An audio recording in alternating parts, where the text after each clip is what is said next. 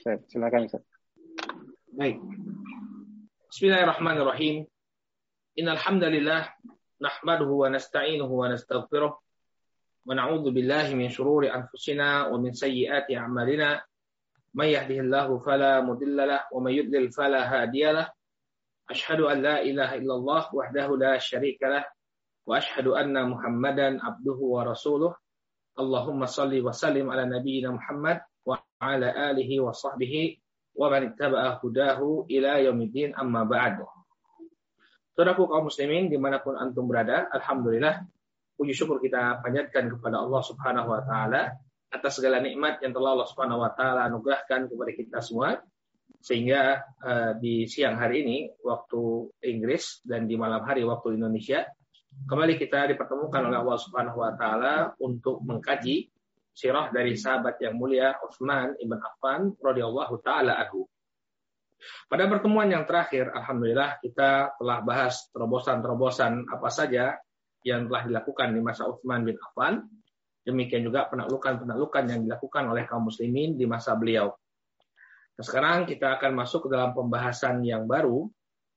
Eh, kita akan bahas tentang tuduhan-tuduhan apa yang dilontarkan oleh sebagian orang kepada Utsman bin Affan dan apa hakikat eh, yang sebenarnya terjadi, apakah benar tuduhan tersebut. Demikian juga kita akan lanjutkan, ini bagian yang mungkin akan membuat kita sedikit bersedih. Kita akan bahas tentang bagaimana uh, terbunuhnya sahabat Utsman bin Affan radhiyallahu taala anhu. Baik, saudara kaum muslimin yang dirahmati oleh Allah, kita akan mulai pembahasan kita dengan tuduhan-tuduhan apa saja yang dilontarkan kepada Utsman bin Affan. Jadi Utsman bin Affan ini di akhir kepemimpinan beliau, sebagian orang menuntut agar Utsman bin Affan ini uh, meletakkan jabatannya sebagai khalifah mereka kemudian membuat tuduhan-tuduhan untuk mencemarkan nama baik Utsman bin Affan. Di antara tokoh yang paling berperan untuk menjatuhkan kedudukan Utsman bin Affan ketika itu adalah seorang Yahudi yang berpura-pura masuk Islam yang bernama Abdullah bin Sabah. Ya, dia adalah seorang Yahudi yang berasal dari Yaman yang menyebar menyebarkan isu-isu yang tidak benar tentang Utsman bin Affan sehingga muncul kebencian pada sosok Utsman bin Affan sehingga nanti pada akhirnya uh, ada sekelompok orang yang menginginkan agar Utsman bin Affan itu meletakkan jabatannya. Apa saja tuduhan yang dilontarkan kepada pihak Utsman bin Affan, kepada Utsman bin Affan dan bagaimana uh, yang sebenarnya? Ya, tuduhan yang pertama, mereka menuduh Utsman bin Affan itu uh, mengangkat pejabat dari pihak keluarganya. Ya, jadi kalau bahasa kita sekarang Utsman ini nepotisme. Melakukan nepotisme. Pejabat-pejabat itu diangkat dari kalangan keluarganya. Dan sampai sekarang tuduhan ini uh, masih sering didengungkan. Saya masih ingat ketika saya SMP kelas 2 ya dalam pelajaran agama itu disebutkan tentang para khulafa ar-rasyidin Pelajarannya mengenal para khulafa ar-rasyidin itu ditulis di buku agama tersebut ya. Utsman setelah memuji-muji Utsman namun di bagian akhirnya ada statement yang kurang lebih mengatakan bahwa uh, Utsman ini memiliki kekurangan. Apa kekurangannya? Dia melakukan nepotisme. Ya, dia melakukan nepotisme. Ini mengangkat anggota keluarganya ya untuk uh, memegang jabatan sebagai gubernur ketika itu. Maka dijelaskan oleh para ulama, di antaranya Syekh Utsman Khamis, ya. Jadi Syekh Utsman Khamis itu dalam kitab Hukbah uh, Minat Tarikh itu bagus sekali beliau bahas tuduhan-tuduhan dan beliau bantah tuduhan-tuduhan tersebut. Syekh Utsman Khamis mengatakan, kalau kita lihat jumlah gubernur yang ada di masa Utsman itu 21 orang. Ya. Nah, hanya lima orang saja yang pernah menjabat sebagai gubernur yang masih karib kerabatnya Utsman bin Affan radhiyallahu taala. Ya. Kemudian kata Syekh Utsman Khamis, kalau dilihat kembali track record dari para gubernur ini di antara mereka itu sudah diangkat menjadi gubernur sejak masanya Umar bin Khattab. Ya. Contohnya Muawiyah bin Abi Sufyan. Ini yang sering jadi sorotan. Muawiyah jadi gubernur di masa Utsman bin Affan. Maka kalau kita lihat lagi eh, kapan sih Muawiyah itu diangkat menjadi gubernur? Jawabannya di masa Umar bin Khattab. Mungkin eh, hadirin masih ingat ya di pertemuan yang lalu ketika kita membahas terobosan di masa Utsman bin Affan adalah pembentukan angkatan laut. Ya. Pembentukan angkatan laut. Di mana ini merupakan usulan dari Muawiyah bin Abi Sufyan. Nah, ingat sejarahnya. Pertama kali yang mengusul apa uh, Muawiyah itu mengusulkan pembentukan angkatan laut itu di masa Umar. Ketika itu beliau sudah menjadi gubernur di negeri Syam. Beliau mengajukan kepada Umar Khattab untuk membentuk angkatan laut, tapi ketika itu Umar kurang berkenan, baru terrealisasikan di masa Utsman bin Affan. Itu menunjukkan bahwa apa? Muawiyah itu sudah pegang posisi sejak masanya Umar bin Khattab, bukan sejak masanya uh, Utsman bin Affan radhiyallahu taala anhu. Sehingga tuduhan kalau Utsman itu uh, mengangkat saudara-saudaranya ya di tempat-tempat di posisi-posisi yang penting, maka kita katakan di antara mereka sudah diangkat menjadi gubernur sejak masanya Umar bin Khattab radhiyallahu taala Kemudian bantahan yang kedua, kalau seseorang itu memang memiliki kompetensi, apa salahnya dia diangkat? Apa kemudian tidak boleh karena dia memiliki hubungan kekerabatan dengan Utsman bin Affan, lalu dia diangkat? Nggak boleh. Ya, tentu ini suatu hal yang yang yang yang apa? Yang janggal ya. Kalau orang punya kompetensi, ya dia punya kemampuan untuk uh, memegang suatu uh, satu tanggung jawab dan satu tugas, ya maka tidak mengapa diangkat, ya. Tidak mengapa dia diangkat. Jangan gara-gara dia masih keluarga dari pihak khalifah, kemudian potensinya itu menjadi tidak ter, tersalurkan. Ya, apalagi disebutkan uh, oleh Al-Imam Ibnu Taimiyah rahimahullah taala dalam Minhajus Sunnah An-Nabawiyah ya beliau mengatakan wala na'rifu qabilatan min qabaili Quraisy fiha ummalu li Rasul sallallahu alaihi wasallam akthar min Bani Abdi Syams li'annahum kanu kathirin wa kana fihim syarafun wa su'dud. Kata Syekhul Islam Ibnu Taimiyah rahimahullah taala, nah, kami tidak mengetahui ada sebuah keluarga, sebuah klan, sebuah kabilah dari kabilahnya Quraisy yang di masa Rasul Shallallahu Alaihi Wasallam mereka sudah diberikan jabatan lebih banyak daripada Banu Abi Syam, keluarganya Utsman. Jadi di masa uh, Rasul alaihi salatu wassalam saja keluarganya Utsman itu sudah banyak yang pegang posisi. Kenapa? Karena Ibnu Taimiyah rahimahullah taala annahum kanu kathirin. Karena jumlah mereka yang banyak dan juga kedudukan mereka yang mulia di tengah-tengah komunitas Quraisy. Jadi di masa Rasul saya sudah banyak di antara mereka yang pegang jabatan, ya. Oleh karena itu bukan satu hal yang salah ketika Utsman menjadi khalifah ada di antara keluarga beliau yang memegang posisi. Ya, sehingga terbantahlah tuduhan sebagian orang yang mengatakan bahwa Utsman ibn Affan radhiyallahu anhu ini mementingkan keluarganya atau e, melakukan nepotisme dengan mengangkat pejabat dari keluarga beliau. Ini tuduhan yang pertama. Kemudian tuduhan yang kedua, ya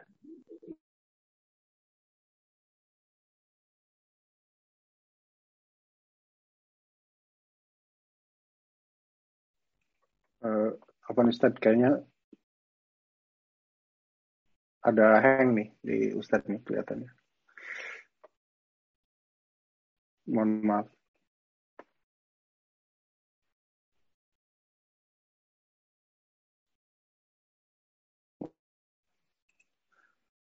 Mohon maaf. Uh, jamaah ini kelihatannya ada ada problem di koneksi di uh, Jogja kelihatannya ya uh, mohon bersabar insyaallah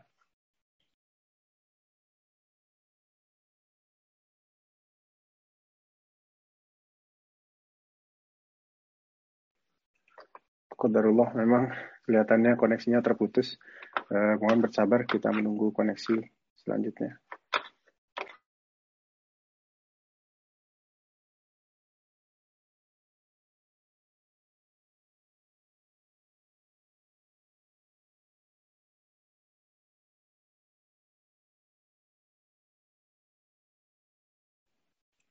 Sambil menunggu Ustadz, uh, bagi yang baru saja join, untuk bagian pertama dan kedua bisa disimak kembali di YouTube kami di uh, YouTube underscore Paduka UK.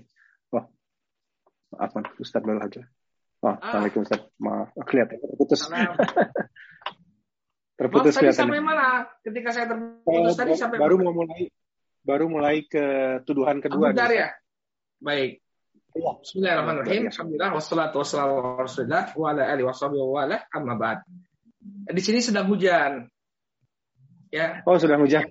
Ya, sedang hujan. Jadi biasanya ya sinyalnya ya. agak bermasalah, tapi mudah-mudahan lancar. Kalau misalnya ini bermasalah nanti saya ganti ke uh, eh, ISP yang lain. Baik. Oke. Okay. Baik. Baik. Kita bahas tuduhan yang kedua. Orang mengatakan, sebagian orang mengatakan bahwa Utsman bin Affan itu mengusir Abu Dhar radhiyallahu taala ke Robadah. Nah, pada hakikatnya eh, cerita yang sebenarnya Abu Dhar Al-Ghifari ketika itu beliau eh, tinggal di negeri Syam. Ya, ketika beliau tinggal di negeri Syam, ya eh, kaum muslimin itu kan banyak melakukan penaklukan sehingga banyak sekali harta yang diperoleh oleh kaum muslimin ketika itu. Nah, Abu Dhar Al-Ghifari, beliau itu memiliki pendapat yang sedikit berbeda dengan para sahabat yang lain. Jadi Abu Dhar Al-Ghifari itu berpendapat bahwa kita itu nggak boleh nyimpen harta. Ya, jadi kalau dapat hmm. emas, perak, itu semuanya itu harus langsung disodakohkan, dihabiskan. Jadi nggak boleh ada yang ter, tersimpan. Beliau mengambil uh, apa pendapat ini dari firman Allah Subhanahu wa taala dalam uh, surat At-Taubah ayat ke-34. Ini menarik ya. Jadi Abu Dhar Al-Ghifari itu punya tafsiran tersendiri dalam uh, terhadap surat At-Taubah ayat ke-34. Allah Subhanahu wa taala berfirman, "Walladzina yaknidu dzahaba wal fiddah wa la yunfiqunaha fi sabilillah fabashshirhum bi'adzabin alim." Ya. Allah Subhanahu wa taala berfirman, dan orang-orang yang menyimpan emas dan perak. Kemudian mereka tidak menginfakkannya di jalan Allah Subhanahu wa taala, fabasyirhum bi'adzabin alim. Maka berilah kabar kepada mereka tentang pedihnya adab Allah Subhanahu wa taala. Nah, Abu Dzar Al-Ghifari memandang bahwa ini dalil menunjukkan bahwa kita nggak boleh nyimpan emas dan perak. Karena Allah Subhanahu wa taala mengancam dengan adab yang pedih. Nah, ketika itu di masa Muawiyah, ya, yang namanya harta itu kan banyak ya, dari penaklukan-penaklukan. Ya, kemudian disimpan, ditimbun.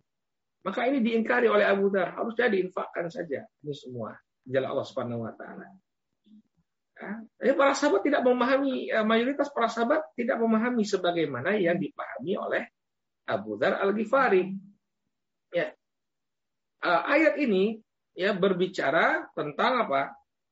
Tentang kewajiban membayar zakat. Jadi eh, zakat apa emas dan perak itu ya dia akan menjadi adab. Dia akan menjadi adab bagi orang yang menimbunnya kalau dia tidak mengeluarkan zakatnya. Ya, ya kalau dikeluarkan zakat ya nggak jadi masalah. Ya.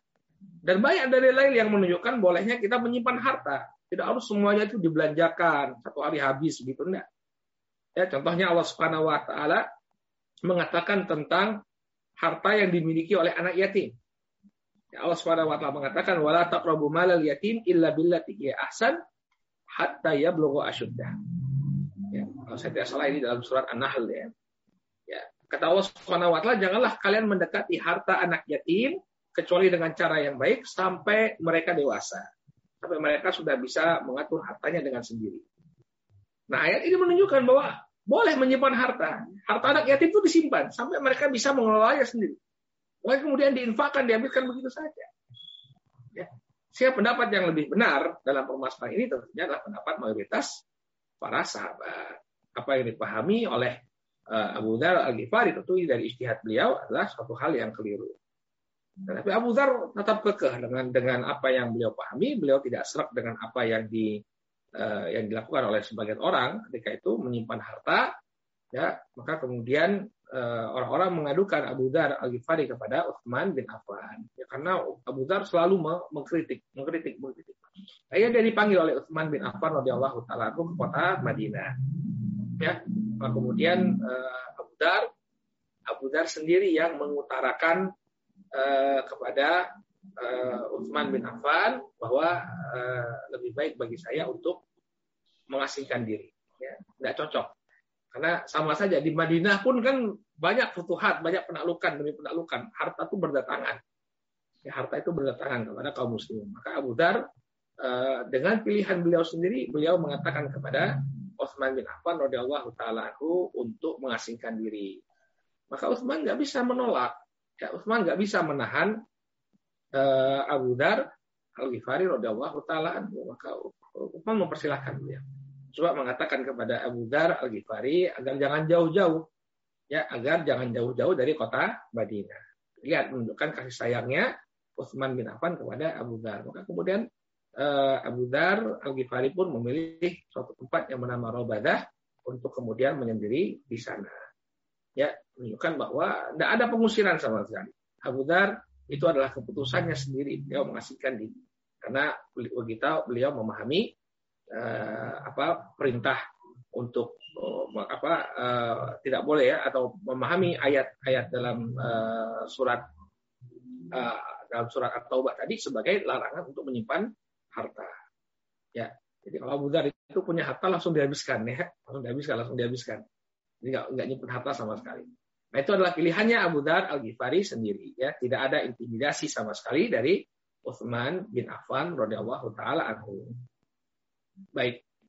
Kemudian tuduhan yang ketiga, kata Syekh Uthman Khamis, ya, ada sebagian orang yang menuduh bahwa Uthman itu memberikan seperlima dari harta rampasan perang kepada saudaranya yakni Marwan bin Al-Hakam.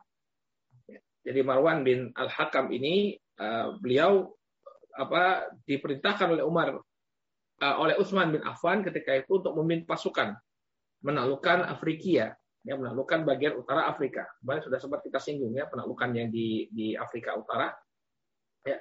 Sebagian orang menuduh bahwa Utsman memberikan seperlima dari harta rampasan perang itu kepada Marwan. Ya, padahal seperlima ini diperuntukkan untuk Allah dan Rasulnya, hanya untuk kepentingan kaum muslimin. Ya, maka eh, sebenarnya yang terjadi Utsman tidak memberikan seperlima, ya, tidak memberikan seperlima harta rampasan perang kepada Marwan. Cuma beliau mengambil seperlima dari seperlima harta rampasan perang itu untuk memotivasi Marwan Ya. Jadi dia tidak mengambil seperlima, tapi seperlima dari seperlima ya, seperdua limanya. Jadi berarti jumlah yang tidak terlalu besar. Dia berikan kepada Marwan bin Al-Hakam untuk memotivasi atau sebagai bentuk apresiasi terhadap Marwan bin Al-Hakam yang telah berhasil melakukan uh, Afrika, uh, daerah Jazirah Afrikia. Ini Jazirah uh, bagian utara benua Afrika. Ya, jadi dan itu adalah uh, kewenangan khalifah. Jadi khalifah berhak dari seperlima harta ghanimah itu ya khalifah itu berhak untuk me memberikannya kepada uh, siapa yang dirasa ada kemaslahatan nih. Karena seperlima itu hak Allah dan Rasulnya itu memang diberikan kepada khalifah. Khalifah yang kemudian berhak untuk membagi-bagikannya sesuai dengan kemaslahatan yang uh, apa yang dia pandang ada kemaslahatan misalnya. Baik, kemudian yang keempat, tuduhan yang keempat, bahwa Utsman bin Affan membakar mushaf. Ya, sudah berlalu pembahasannya. Ya, justru apa yang dilakukan oleh Utsman bin Affan ini dipuji oleh para sahabat. Jadi bukan satu hal yang patut dicela. Ya, satu hal yang bukan bukan satu hal yang patut dicela dari Utsman, justru dipuji oleh para sahabat. Nah, kalau para sahabat saya tidak ada yang protes, justru mendukung apa yang dilakukan oleh Utsman, maka generasi setelahnya harusnya jangan protes, ya. Karena para sahabat memberikan dukungan kepada Utsman bin Affan. Ya, telah berlalu ucapan Ali bin Abi Thalib radhiyallahu taala anhu beliau mengatakan wallahi ma fa'ala uh, ma fa'ala ladhi fa'ala fil mushaf illa an mala'in minna. Ya. Kata Ali bin Abi Thalib uh, tidaklah Utsman melakukan uh, apa apa yang dia lakukan terhadap mushaf itu melainkan dengan persetujuan dari kami. Persetujuan dari para sahabat. Ya, dia berpendapat naro eh, najma eh, an-nas najma an-nas ala mushafin wahid. Kata Utsman, aku kami melihat bahwa uh, sudah sepantasnya kita untuk mengumpulkan manusia dalam satu mushaf. Satu mushaf yang standar. Ya, wala takunu firqatan wala ikhtilaf sehingga tidak terjadi perpecahan dan pertikaian. Maka apa yang dikatakan oleh para sahabat ketika itu? Fani mama ra'ait. Alangkah baiknya wahai Utsman pendapatmu ya, idemu itu sangat baik. Ini ucapannya para sahabat. Kalau para sahabat saja membenarkan dan me, apa, mendukung usaha Utsman bin Affan, maka harusnya ini tidak menjadi satu permasalahan. Baik. Kemudian tuduhan yang kelima bahwa Utsman bin Affan ya ini merobek ususnya Abdullah bin Mas'ud. Masya Allah ya. Tuduhannya luar biasa. Ya, dan juga e, memecahkan tulang Ammar bin Yasir radhiyallahu taala anhuma. Jadi mereka menuduh Utsman ini berlaku zalim kepada Abdullah bin Mas'ud. Ya, maka ini adalah kisah yang dibuat-buat ya. Abdullah bin Mas'ud itu bahkan ketika meninggal dunia ya beliau ditemani oleh Utsman bin Affan. Ya, disebutkan oleh Imam Az-Zahabi rahimahullah taala dalam Syiar A'lamin Nubala. Kata Az-Zahabi maridu Abdullah fa'adahu Utsman. Ya ketika Abdullah ibn Mas'ud itu uh, sakit sakit yang mengantarkan beliau sampai meninggal Utsman itu berkunjung menziarahi Abdullah bin Mas'ud. Ya kemudian beliau bertanya ma tashtaki? Wahai Ibnu Mas'ud apa yang kau keluhkan maka kemudian kata Abdullah bin Mas'ud, "Dzunubi, dosa-dosaku inilah yang membuat aku khawatir." Ya. Qala fama tastahi. Kemudian Utsman bertanya kepada Abdullah bin Mas'ud di penghujung hayatnya Abdullah bin Mas'ud. Fama tastahi. Apa yang kau inginkan wahai Abdullah bin Mas'ud? Kemudian bin Mas'ud mengatakan ya uh, rahmata rabbi. Aku sangat mengharapkan rahmat dari Rabbku. Ya. Kemudian kata uh, Utsman bin Affan, "Ala amuruka tabib?" Tidakkah engkau ingin aku panggilkan seorang uh, dokter untuk mengobati sakitmu? Ya. Maka kata Abdullah bin Mas'ud, "At-tabibu amradani." Kehadiran seorang dokter justru akan menambah sakitku kata beliau. Ya. Kemudian qala illa amuruk laka bi apa? Tidakkah engkau ingin aku memerintahkan orang untuk mendatangkan kepadamu suatu pemberian? Maka Abdullah bin Mas'ud mengatakan la hajat fihi, aku tidak membutuhkannya. Ya. Kemudian uh, Abdullah bin Mas'ud pun meninggal meninggal dunia. Nah, kita bisa melihat kedekatan Abdullah bin Mas'ud dengan Utsman bin Affan. Jadi dialog ya antara mereka berdua sebelum Abdullah bin Mas'ud radhiyallahu taala itu meninggal dunia. Kemudian juga Ammar bin Yasir ya, berita bahwa uh, Ammar bin Yasir ini di apa dipatahkan tulangnya oleh uh, apa Utsman bin Affan adalah berita berita dusta. Baik. Kemudian yang keenam, barakallahu fikum, di antara tuduhan yang dilontarkan oleh manusia kepada Utsman bin Affan bahwa Utsman bin Affan itu membuat uh, apa membatasi sebuah lahan yang hanya boleh diperuntukkan untuk mengembalakan ya hewan-hewan ternak yang dimiliki oleh Baitul Mal. Jadi beliau membuat patok tanah. Ya, ada suatu tanah di Pageri, tidak boleh bagi orang untuk mengembalakan hewannya di sana. Tempat tersebut hanya khusus diperuntukkan oleh uh, Baitul Mal ya untuk makan hewan-hewan ternak milik Baitul Mal. Kan kalau dalam rampasan perang itu kan kadang-kadang datang dalam bentuk hewan-hewan ternak. Nah, hewan-hewan ternak ini di mana dia mendapatkan makanan? Maka Utsman menetapkan suatu kawasan khusus. Ya, satu kawasan khusus untuk dijadikan sebagai lahan mengembalakan hewan-hewan ternak. Ya. Maka orang memprotes ini, mengatakan bahwa ini Utsman mengadakan suatu hal yang baru. Maka sanggahannya bahwa praktek tersebut yang menentukan satu lahan khusus untuk hewan-hewan yang dimiliki oleh Baitul Mal ini sudah dilakukan dari masa Umar Ibn Khattab radhiyallahu taala anhu. Jadi kan memang kelihatan orang cari-cari masalah saja. Suatu hal yang sudah dilakukan dari masanya Umar Ibn Khattab, mereka ungkit-ungkit dan menimpakan uh, kesalahannya kepada Utsman bin Affan. Padahal uh, itu sudah terjadi di masa Umar. Ya, maka Utsman mengatakan kepada mereka, wa ammal hima fa inna Umar hamal hima di iblis sadaqah. Adapun kawasan khusus untuk mengembalakan uh, hewan ternak, maka sesungguhnya sebelum saya Umar itu sudah melakukan hal yang sama. Ya, Umar sudah membuat kawasan khusus untuk hewan-hewan yang dimiliki oleh Baitul Mal. Falamma wulitu fa'altu alladhi fa'al ya wa mazidtu ala mazad. Maka ketika aku diangkat menjadi khalifah, aku melakukan hal yang sama dengan apa yang dilakukan oleh Umar bin Khattab radhiyallahu taala anhu. Nah, kenapa ketika di masa Utsman bin Affan radhiyallahu taala anhu kalian permasalahkan di masa Umar kalian diam-diam saja. Ya, apa yang telah dilakukan oleh Umar ya dilanjutkan oleh Utsman bin Affan. Ya. Harusnya tidak jadi masalah. Kalau tidak jadi masalah di masa Umar, kenapa kok jadi masalah ketika itu dilakukan oleh Utsman bin Affan radhiyallahu anhu? Dan itu satu hal yang boleh. Seorang pemimpin negara kemudian mengalokasikan tempat khusus untuk eh, harta-harta Baitul Mal karena Baitul Mal ini milik negara ya harta yang ada di Baitul Mal itu milik negara, milik kaum muslimin secara umum. Dan itu perlu dipelihara.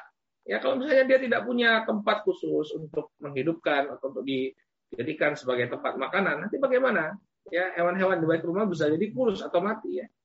Maka tentu ini adalah suatu hal yang baik membuat satu lokasi tersendiri untuk eh, hewan-hewan ternak itu makan. Maka tuduhan ini adalah tuduhan yang, yang tidak benar kepada Utsman bin Affan. Baik, kemudian yang ketujuh, tuduhan mereka ya, sampai hal-hal yang kecil ya. Mereka eh, mengatakan bahwa Utsman ini uh, tidak melakukan sunnah. Beliau ketika safar ke Mekah, beliau tidak mengkosor sholat. Ya, beliau tidak mengkosor sholat. Ini orang menuduh. Nah, kenapa Utsman tidak mengkosor sholat? Padahal dia dalam keadaan safar. Ya. Maka para ulama menjelaskan bahwa Utsman itu memiliki rumah dan memiliki istri di Mekah. Sehingga bisa jadi Uthman itu, kenapa dia tidak mengkosor sholat ketika safar? Ya karena Uthman e, berpendapat bahwa dia sedang berada di rumahnya. Artinya dia mukim. Sehingga tidak perlu mengkosor sholat. Ya, bahkan tidak boleh. Kalau dia mukim kan nggak boleh. Orang yang mukim kan tidak boleh. Kemudian mengkosor, mengkosor sholat. Ini jawaban para ulama ketika itu Uthman memiliki rumah di Mekah dan kemudian beliau menganggap bahwa ketika beliau berada di Mekah, beliau tidak dalam keadaan safar. Ini kemungkinan yang pertama. Kemudian kemungkinan yang yang kedua yang diungkapkan oleh para ulama bahwa ketika itu Utsman memandang banyak orang yang baru masuk Islam, ya banyak orang yang baru masuk Islam, sehingga Utsman mengkhawatirkan kalau beliau meringkas sholat yang empat rakaat menjadi dua rakaat, ya maka banyak orang-orang yang tidak paham. Banyak orang yang tidak paham. Maka Utsman uh, ini penjelasan para ulama ya, Utsman pun uh, melaksanakan sholat ketika itu tetap dengan empat rakaat, tidak mengkosornya. Ya. Dan ini masalah istihad, istihad ya, masalah fikih ya. Bahkan sebagian ulama pun mengatakan kosor itu sebenarnya bukan satu hal yang wajib ya.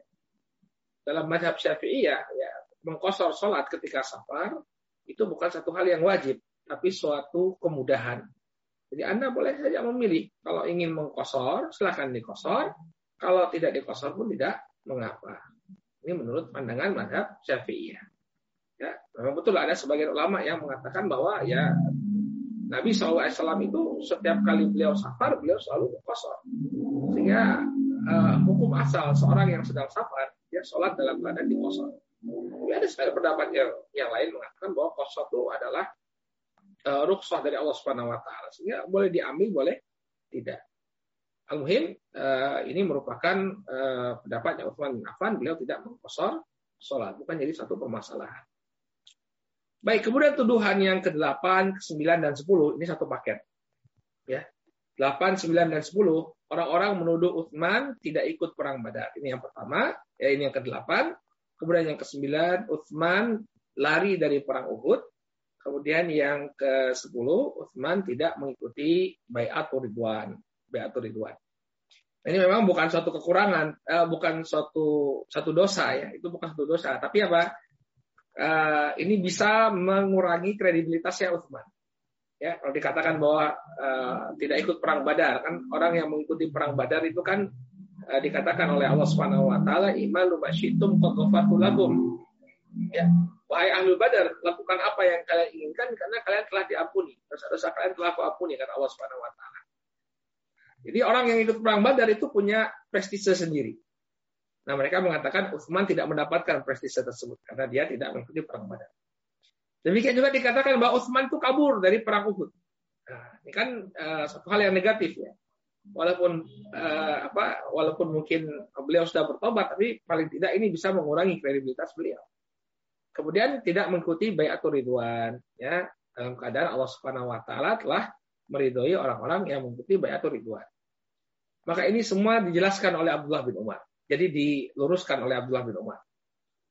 Dalam Sahih Al Bukhari disebutkan ada sekelompok orang dari Mesir, ya ada uh, seseorang uh, yang datang dari Mesir kemudian melihat ada sosok yang dikelilingi oleh orang banyak.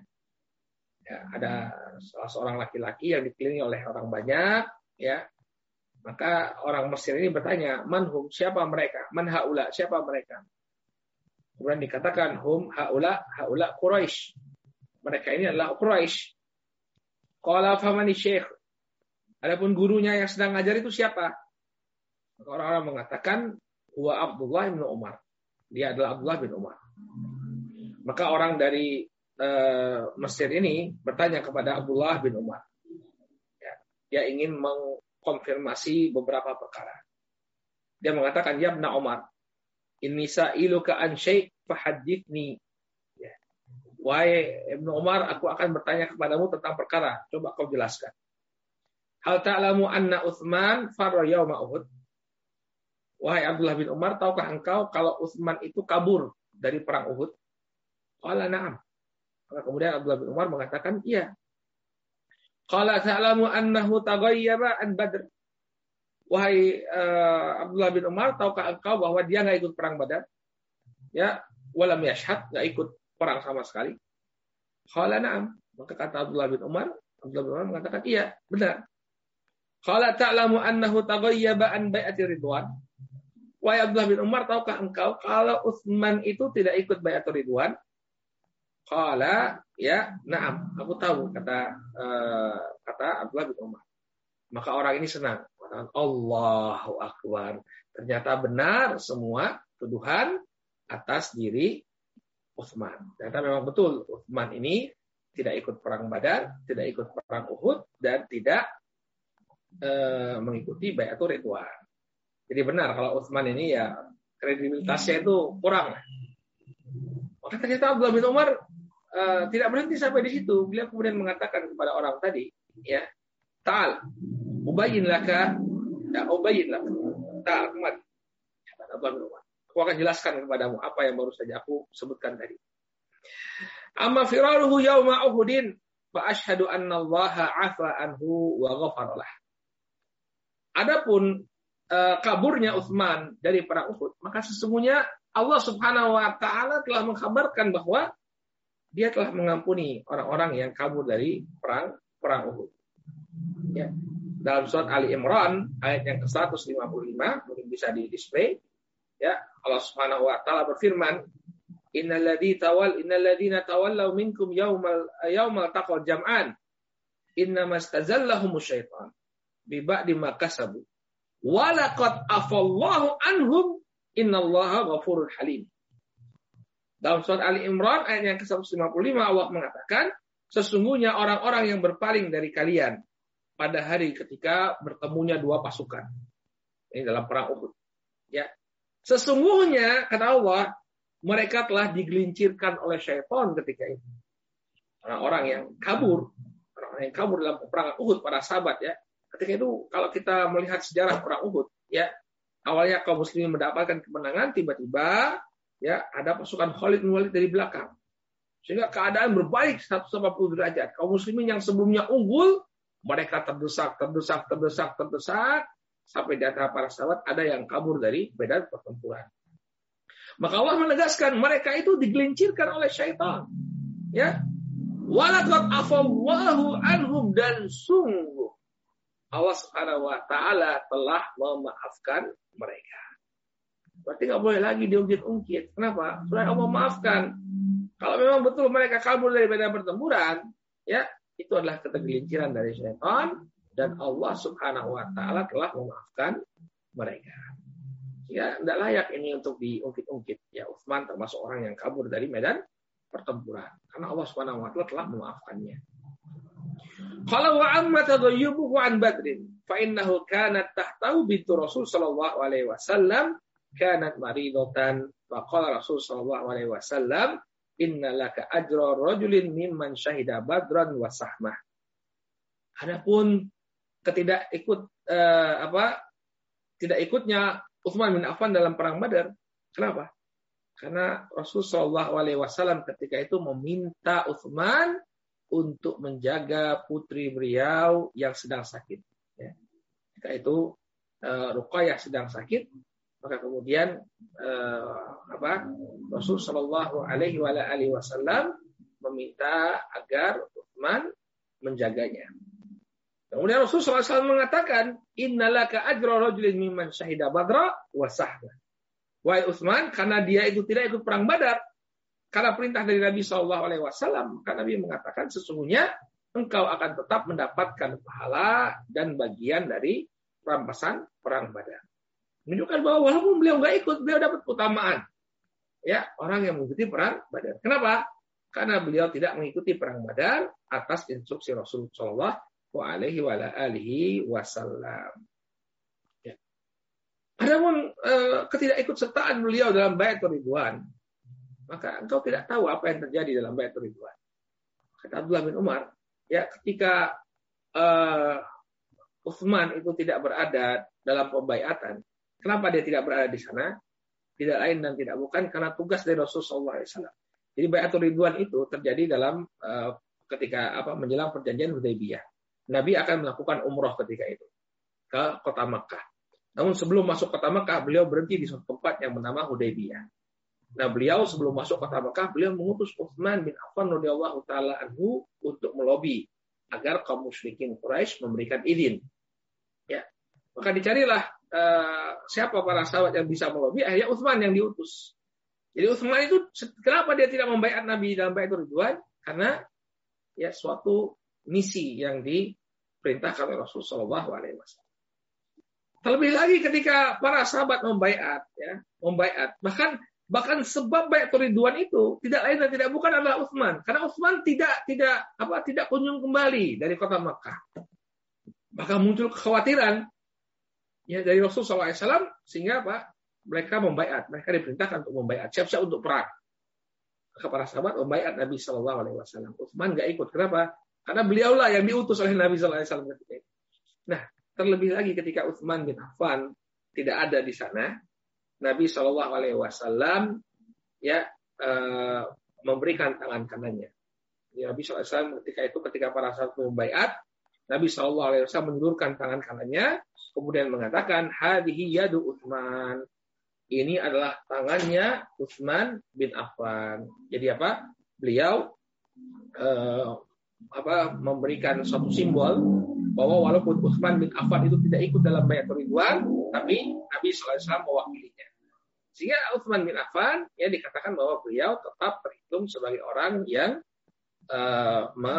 membaiat uh, ikut membaiat Nabi Shallallahu Alaihi Wasallam dalam bayatul bayatul Ridwan. Ya, ini adalah di antara beberapa uh, tuduhan yang dilontarkan oleh pihak-pihak yang tidak suka dengan Utsman bin Affan, ya tuduhan-tuduhan yang tidak berdasar, tuduhan-tuduhan yang ada penjelasannya di balik apa yang mereka tuduh. Allah taala alam. Baik. Kemudian saudara kaum muslimin yang dirahmati oleh Allah Subhanahu wa taala ya namanya fitnah ya, fitnah disebar. Ya telah tersebar ketika itu.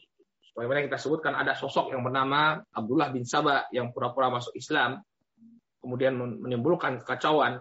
Ya dia memprovokasi orang-orang terutama orang-orang yang baru masuk Islam ketika itu. Ya orang-orang dari Irak orang-orang dari Mesir ya. Mereka terprovokasi oleh uh, apa uh, provokasi yang dilakukan oleh Abdullah bin Sabah.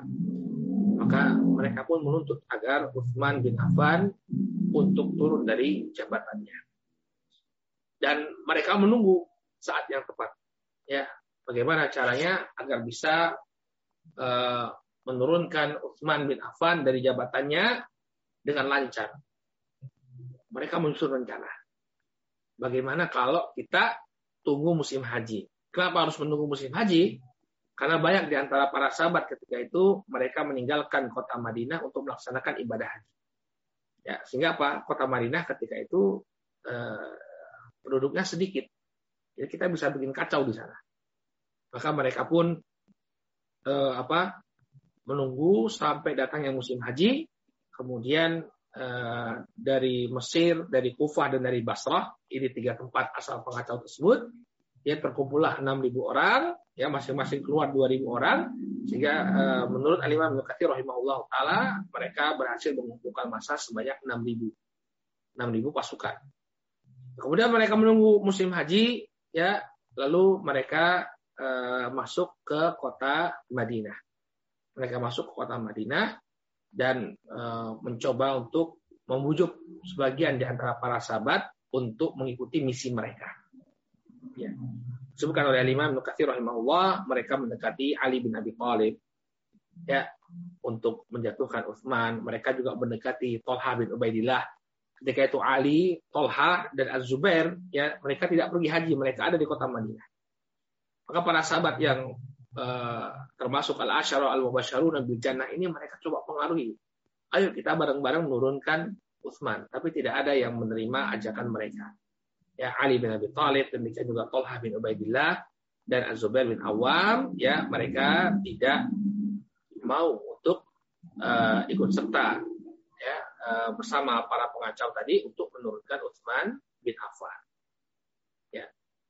Maka kemudian Utsman bin Affan ketika melihat mereka sudah berkumpul di kota Madinah, Utsman ini orang yang sangat lembut dan penyabar ya. Beliau uh, lagi-lagi beliau tidak kemudian bersikap tegas untuk mengusir atau melakukan tindakan tegas kepada orang-orang uh, yang menuntut turunnya beliau, beliau mengingatkan, ya, beliau coba untuk mengingatkan tentang posisi beliau di mata Rasul Shallallahu Alaihi Wasallam. Ya, disebutkan uh, uh, dalam hadis yang diriwayatkan oleh Al Imam Ahmad ketika itu Utsman bin Affan berbicara di hadapan mereka. Dan ketika itu para sahabat yang yang masih ada tinggal di kota Madinah itu ada di sana. Jadi ketika itu Utsman menemui pihak pemberontak. Kemudian uh, beliau mengatakan, "Ahahuna Ali." Apakah di sini ada Ali? Ya. Kemudian orang mengatakan, "Ya, ada. Ali ada." Kemudian ahahuna uh, Az-Zubair. Apakah di sini ada Az-Zubair? Ya. Orang-orang mengatakan, "Iya, Az-Zubair ada." Ahahuna Sa'ad. Apakah di sini ada Sa'ad bin Waqqas? Orang mengatakan, ya ada. Ahahuna tolha. Apakah di sini ada tolha? Ya, tolha ada. Baik, Dan beliau akan menyampaikan sesuatu. Jadi kalau kalau Utsman itu berdusta, ya kalau Utsman itu berdusta, maka ada para sahabat-sahabat senior ini yang akan meluruskan. Gak mungkin uh, kedustaannya didiamkan begitu saja. Jadi Utsman ingin mengkonfirmasi kepada mereka menunjukkan bagaimana kedudukan beliau yang sebenarnya di sisi Rasul Shallallahu Alaihi Wasallam. Baik, ya. Kemudian beliau mengatakan anshudukum billah alladzi la ilaha illahu. Aku kabarkan kepada kalian dengan menyebut nama Allah yang tidak ada ilah selainnya. Ya. Atalamuna anna Rasul sallallahu alaihi wasallam qal man yabta ya mirbada bani fulan ghafarallahu lahu. Tahukah kalian ya bahwa Nabi SAW itu pernah mengatakan barang siapa yang membeli uh, kandang ontanya bani fulan maka Allah Subhanahu wa taala akan mengampuninya. Jadi ketika itu Masjid An-Nabawi masjidnya Nabi itu akan diperluas dan mau tidak mau harus membebaskan tanah. Tanah itu tempat berkumpulnya unta-unta milik sebagian kabilah. Maka kemudian Eh, fata'tuhu fa'ataitu Rasul sallallahu alaihi wasallam. Ya, maka aku pun membelinya kemudian aku datang kepada Nabi sallallahu alaihi wasallam. Kemudian aku katakan kepada Rasulullah, sudah aku beli wahai Nabi. Kemudian Nabi Shallallahu Alaihi Wasallam ya eh, memerintahkan kepada Utsman untuk menjadikannya sebagai perluasan masjid dan pahalanya akan kau dapatkan. Nah, kemudian tanah yang dibeli tadi dijadikan oleh Utsman sebagai uh, apa untuk perluasan Masjid An-Nabawi. Nah, Utsman ini ingin mengungkapkan bahwa uh, saya itu sudah berbuat demikian dan demikian untuk Islam. Dan hal yang demikian diperbolehkan. Ini mengungkit eh, jasa-jasa kita karena ada suatu kemaslahatan untuk menegur orang karena orang itu paham ya. karena mereka mungkin orang-orang yang baru masuk Islam nggak paham tentang uh, posisinya Utsman bin Affan. Maka Utsman mengatakan bahwa uh, aku yang membeli tanah untuk perluasan Masjid Nabawi. Kemudian kata Utsman, "Anshudukum billah alladzi la ilaha illahu." Ata'lamuna anna Rasul sallallahu alaihi wasallam qala man yabta bi'ra rumah ya faqtatuha bi kada wa kada. Fa itu fataitu Rasul sallallahu alaihi wasallam faqultu inni qad ibtatuha yakni bi'ra rumah. Faqala ij'alha siqayatan lil muslimin wa ajruha laka Tahukah kalian bahwa Nabi SAW itu pernah mengatakan siapa di antara kalian yang mau membeli sumur rumah? Ya, sumur rumah ini yang uh, sudah pernah kita uh, sebutkan ya. Ini keutamaan dari Umar uh, Utsman bin Affan. Dia memberi sumur rumah yang dimiliki oleh Yahudi untuk uh, kaum muslimin ya. Beliau serahkan untuk kaum muslimin. Maka kata Rasulullah SAW ya ketika engkau berikan itu kepada kaum muslimin maka pahalanya adalah untukmu. Ya. Kemudian uh, yang ketiga kata Utsman, ya, aku kabarkan kepada kalian dengan menyebut nama Allah bahwa dahulu Nabi Shallallahu Alaihi Wasallam beliau pernah menghancurkan kepada para sahabat siapa yang bisa menyiapkan keperluan perang ya dalam perang uh, Tabuk ya dalam perang Tabuk kaum muslimin sangat membutuhkan akomodasi yang demikian banyak maka akomodasi tersebut dipenuhi oleh Utsman bin Affan radhiyallahu taala maka Utsman mengatakan kepada mereka, ya uh, apa? Uh, apakah ini benar semua? Apa yang saya sampaikan ini benar? Maka kemudian para sahabat yang ada di sana benar, benar Utsman, kau telah melakukan kebaikan tersebut. Maka kemudian Utsman mengatakan, Allahumma syahad, Allahumma syahad. Ya Allah persaksikanlah, persaksikanlah. Artinya jangan kalian memberontak ya karena Utsman bin Affan ini memiliki apa? Memiliki kedudukan banyak sekali jasanya kepada Islam. Ya, apa yang kalian lakukan untuk Islam itu nggak ada bandingannya dengan apa yang telah dilakukan oleh Utsman bin Affan radhiyallahu taala anhu. Maka ketika mereka uh, mendengar penjelasan Utsman, ya mereka pun mulai meninggalkan kota Madinah, meninggalkan kota Madinah untuk kembali ke uh, negeri mereka. Nah, di sinilah mulai muncul satu permasalahan ketika mereka berada di luar kota Madinah, tiba-tiba mereka menangkap ya seorang kurir. Seorang kurir yang dikesankan ketika itu dia membawa surat. Membawa surat dari Uthman bin Affan untuk para gubernur tempat mereka tinggal. Dikesankan bahwa dalam surat tersebut Uthman memerintahkan kepada para gubernur kalau mereka ini ya kalau mereka ini pulang ke kampung halamannya sikat habisi. Padahal Utsman bin Affan tidak pernah menulis surat tersebut. Tidak pernah. Ya Utsman adalah orang yang sangat pemaaf. Beliau adalah orang yang sangat pemaaf. Nah sudah mereka mau meninggalkan kota Madinah biarkan mereka kembali.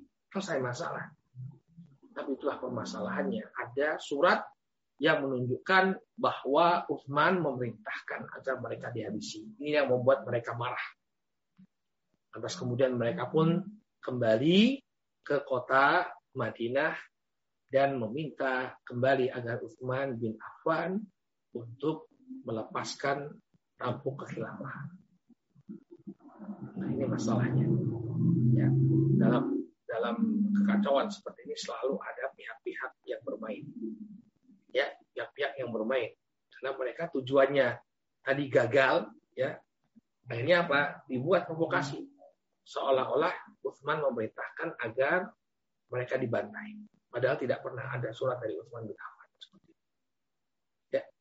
Para ahli sejarah menyebutkan beberapa kerancuan. Jadi para kurir ini harusnya kan kalau dia membawa satu surat surat yang demikian penting, harusnya dia menempuh jalan, bukan kemudian ini kurir marah sengaja berjalan di tengah-tengah pasukan agar ditangkap. Ya, ini satu keganjalan. Jadi dia memang sengaja agar ditangkap. Kemudian dia bawa surat itu dibaca oleh orang-orang bahwa Utsman memerintahkan agar mereka dieksekusi. kembali mereka ke kota Madinah. Lalu mereka meminta agar Utsman bin Affan ya eh, meletakkan tampuk kekhilafahan. Utsman nggak mau. Ya. Ketika itu Utsman bin Affan usianya 83 tahun, sudah sangat tua. Kenapa beliau tidak mau lepaskan tampuk kekhilafahan? Tidak lain dan tidak bukan karena beliau menjalankan wasiatnya Rasul Shallallahu Alaihi Wasallam. Jadi Rasul Shallallahu Alaihi Wasallam itu pernah berpesan kepada Utsman, wa in sa'aluka antan khali'a min qamisin qammasak Allah azza wa fala taf'al. Fala taf'al. Wahai Utsman, kalau nanti orang-orang itu meminta agar kau menanggalkan menanggalkan pakaian kekuasaan yang telah dikenakan oleh Allah Subhanahu wa taala kepadamu. Jangan kau lakukan. Jangan kau lakukan. Jadi bukan karena beliau cinta kekuasaan, beliau sudah tua. 83 tahun. Kenapa beliau tidak mau menanggalkan kekhilafahan? Karena melaksanakan amanah dari Rasulullah Shallallahu Alaihi Wasallam. Walaupun beliau sadar ini beresiko, 6.000 orang menuntut agar beliau turun tanpa ada kekuatan yang berarti di kota Madinah. Ya, Beliau tidak mau untuk meletakkan tabu kekhilafahannya. Ketika itu para sahabat mulai datang kepada Utsman bin Affan. Mereka menginginkan agar uh, biarkan kami melindungi wahai Utsman. Ya. Biarkan kami melindungi wahai Utsman. Ali bin Abi Thalib mengirimkan anaknya Al Hasan dan Husain. Ya, kemudian para sahabat yang lain menyodorkan diri mereka bagaimana agar kita uh, bagaimana kalau kita yang berupaya untuk menjagamu wahai Utsman. Utsman nggak mau. Utsman suruh mereka pulang. Suruh pulang mereka. Ya. Dalam sebagian riwayat Utsman mengatakan kepada mereka, ya pulanglah kalian karena sesungguhnya aku tidak ingin menjadi sebab tertumpahnya darah. Kalau mau tumpah darah, tumpah darahnya sendiri, bukan darahnya orang lain. Utsman menghindari ya pertumpahan darah ketika itu. Para sahabat yang menyodorkan diri mereka untuk memberikan penjagaan kepada Utsman suruh pulang. Ya. Demikian juga ketika ada salah seorang di antara mereka bertanya, wahai Utsman, kenapa? Kami ini siap untuk membela mu, wahai Utsman. Kenapa kami disuruh pulang? Utsman mengatakan kepada orang tersebut, Ru'aitul barihah ka'anni dakhaltu ala Nabi sallallahu alaihi wasallam. Wa indahu Abu Bakar wa Umar. Ya. Sesungguhnya tadi malam aku bermimpi kata Utsman dalam sebuah hadis-hadis yang diriwayatkan oleh Imam Ibnu Asyakir. Ya. Utsman mengatakan, aku melihat Rasulullah SAW dalam mimpi. Wa indahu Abu Bakar wa Umar. Dan di sisi Rasulullah SAW ada Abu Bakar dan Umar. Ya. Maka ketika aku ingin menemui mereka, Nabi SAW mengatakan kepadaku, Irji ya Utsman, fa innaka muftirun indi wadan Rasulullah SAW mengatakan kepada kembali wahai Uthman. Karena engkau akan berbuka puasa bersama kami besok, bukan hari ini. Maka Uthman pun ketika Nabi SAW menyuruh beliau kembali, ya keesokan hari, Uthman pun mengatakan, walan tajiba syamsu wallahi ghadan, au kada wa kada, illa wa ana min ahli akhirah maka aku merasa ya, dari mimpiku ini aku merasa bahwa tidaklah besok matahari terbenam melainkan aku termasuk penduduk akhirat. Jadi beliau sudah tahu, beliau seakan-akan beliau diberi kabar bahwa besok beliau akan meninggal dunia. Bukan hari ini saja, tapi besok. Disuruh kembali oleh Rasul Shallallahu Alaihi Wasallam. Jadi beliau sudah uh, apa diberi isyarat bahwa keesokan hari beliau akan meninggalkan dunia yang fana ini. Dalam Al-Bidayah wa Nihayah, Al-Imam Nukathir rahimahullah ta'ala menceritakan bagaimana detail kisah pembunuhan Utsman bin Affan radhiyallahu anhu. Ya. Kata Imam Nukathir rahimahullah.